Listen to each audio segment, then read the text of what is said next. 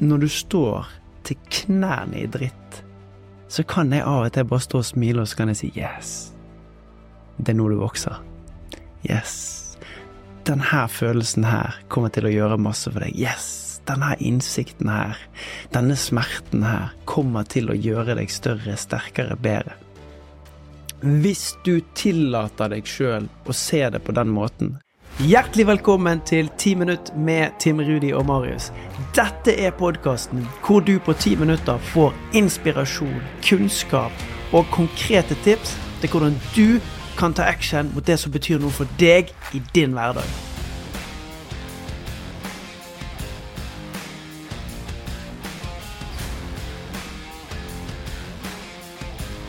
Jeg har lyst til å starte dagens episode med å dele en melding som du sendte meg her om dagen, eh, Tim. Ja. Og jeg har lyst til å starte med å lese opp den meldinga, og så snakke litt om hva som egentlig har skjedd her. Ok, here it goes. Takk, Tim. Ja, det har skjedd mye. Husker du sa til meg, når ting gikk på trynet i fjor, at dette er det beste som har skjedd deg? Og jeg tenkte, Tim, du er klin kokos. Men du hadde jo helt rett. Jeg er ikke redd på samme måte mer. Mm. Wow. Ikke Hva, hva har skjedd her? Nei, når jeg fikk den meldingen, så fikk jeg sånn ordentlig stort glis over munnen.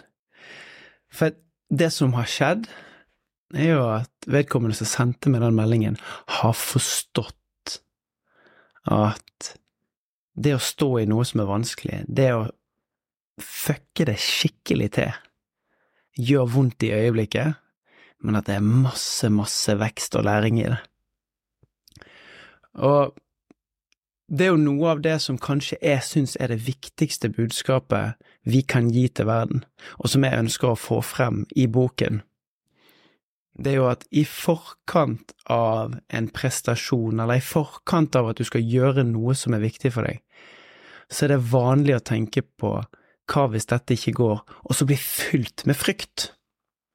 Sant? Og når vi blir fylt med frykt, så skjer det masse negative konsekvenser med kroppen, i hvert fall negative i forhold til det at vi skal ut og prestere. Og så hvis du spør de fleste etter at de har vært igjennom en situasjon, eller det har gått litt tid etter at noe har skjært seg skikkelig, og de har reflektert og lært av det, så sier de at jeg hadde ikke vært foruten, for det jeg vet nå, det hadde ikke jeg visst hvis ikke det hadde gått. Uh, altså, det perspektivet der, det er kraftfullt. Det er det. Og, hvordan eh, Ja. Altså, det jeg tenker, da, det, sånn, det aller viktigste budskapet i dette er når du står foran noe. Sant? Den viktigste øvelsen vi kan gjøre, det er å forsøke å plassere oss sjøl i fremtiden, og leve ut at ikke det har gått, og kjenne at det òg går bra. For det handler ikke om at vi skal akseptere at ting går feil, og at en lavere standard er ok. Men det handler om at i forkant av det, så vet vi at vi kan leve med både suksessen og failuren. Og ikke bli fylt med denne frykten og det at kroppen strammer seg, det at pusten blir raskere, det at vi får høye skuldre, det at vi gruer oss, det at vi angster inn i noe som kommer. Men heller gå inn i det med vissheten om at hvis jeg er til stede her og nå, og gjør mitt absolutt beste, så er det alt jeg har.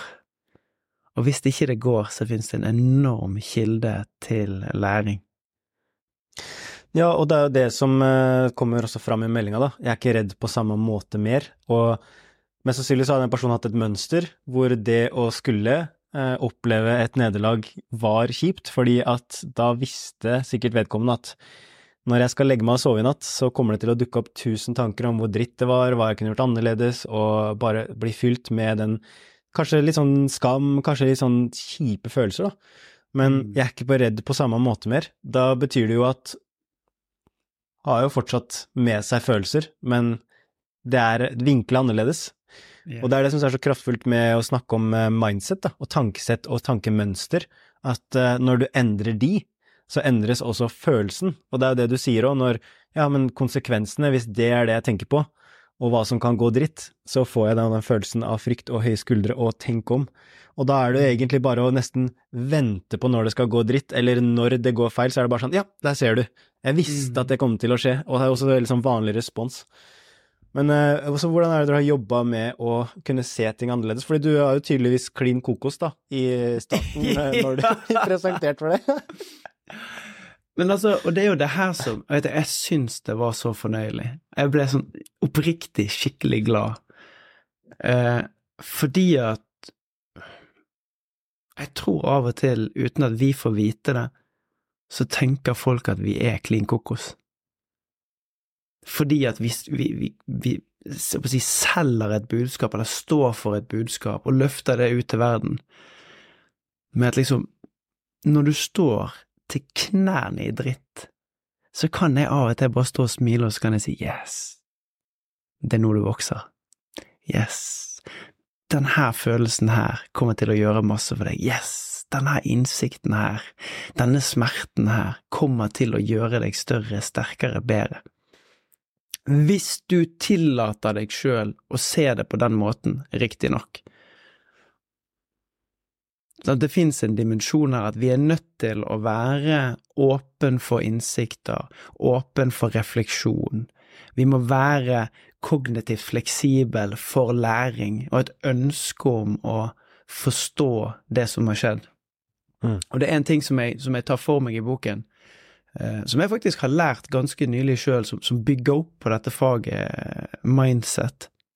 Det er at når vi har et, et låst tankesett, eh, som da ikke tror på læring og ikke tror på vekst gjennom innsats, så går vi raskere i følelsen av nederlag når noe går gale.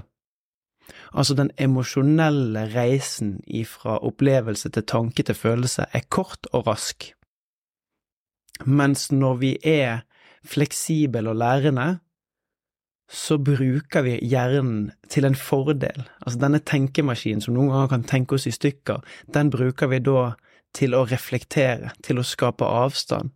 Ok, hva var det, hva var det som skjedde nå? Hva var det jeg hadde kontroll over, hva hadde jeg ikke kontroll over? Hva er det den viktigste tingen jeg kan lære av dette som jeg kan ta med meg til neste gang? Så det er jo interessant, for noen ganger så så tenker vi at den analytiske delen av oss ofte ødelegger. Men faktisk, når vi er lærende og bruker eh, den analytiske delen av oss til å reflektere og til å se helhet, så tjener det en hensikt. Da går vi ikke rett i den umiddelbare følelsen og, og kjenner på et eh, grusomt nederlag og smerte. Ja, og det er to ting her jeg syns er spennende, og den ene er jo det at øh, tankene stopper jo ikke vi kommer til å tenke uansett, mm. men basert på hva du velger å se og ha fokus på i situasjonen, så genererer du da den neste tanken. Det syns jeg også er kult, det du skriver om i boka. Når du velger en tanke, så er det mye lettere at en ny tanke spinner videre på den, og det kan vi gjøre både eh, positivt og til at det ikke blir like positivt. Yeah. Og, og så er det jo det perspektivet med at så når det er veldig låst, da, og går rett inn i følelsen, så går du kanskje ofte inn i den derre 'jeg gjør en feil', det betyr at jeg er en feil. At man tar ofte den derre generaliseringa, at det er sånn svart-hvitt tankegang, da.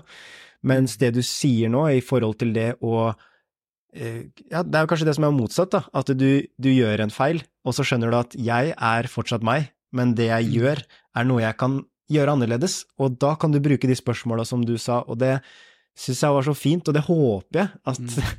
det, her, det, her, må folk lære, fordi at det er så mm. transformerende. Og som du sier, følelsen din kan bli så enormt mye bedre, fordi du kommer til å møte vanskelige situasjoner. Du kommer til mm. å møte motgang, du kommer til å bli tråkka ned og, og få ting slengt i trynet. Men mm. hvem er du da? Og det er jo det du forteller om nå, at du utfordra i den situasjonen. Du utfordra i den meldinga der, og du så et potensial til å velge bedre tanker, til å se det her annerledes. Og ja, da kan vi noen ganger få høre at vi er klin kokos, men steike så kraftfullt det er når de tar det inn. Ja, og så Åh, når, du, når, du, snakket nå, så var det en tanke som kom veldig klart for meg, og så, og så mistet jeg den litt igjen, men jeg syns det her er viktig. Bare, bare gi meg mulighet til å hente det opp igjen. Det handler ikke om at vi skal akseptere at vi mislykkes. Altså For mange så er det å gjøre en, en feil i en situasjon kan bety at du mister den rollen du har. Altså Der er det sånn at gjør du en feil, så er du ferdig. Og, og det betyr ikke at vi skal ta vekk alvoret av at det er viktig å levere, men det betyr at i vårt mentale bilde så skal vi frigjøres ifra utfallet, for det trenger ikke å påvirke oss uansett. Ok, så kan det være at det her ikke går, det går fint, og så kan det være at det går bra, det går òg fint. Og så går vi inn i prestasjonen uansett, og så blir det som det blir, men tar vi med oss frykten for å mislykkes fra første øyeblikk i forberedelsene, og så har vi mye høyere sannsynlighet for at det her går rett til helsike. Mm.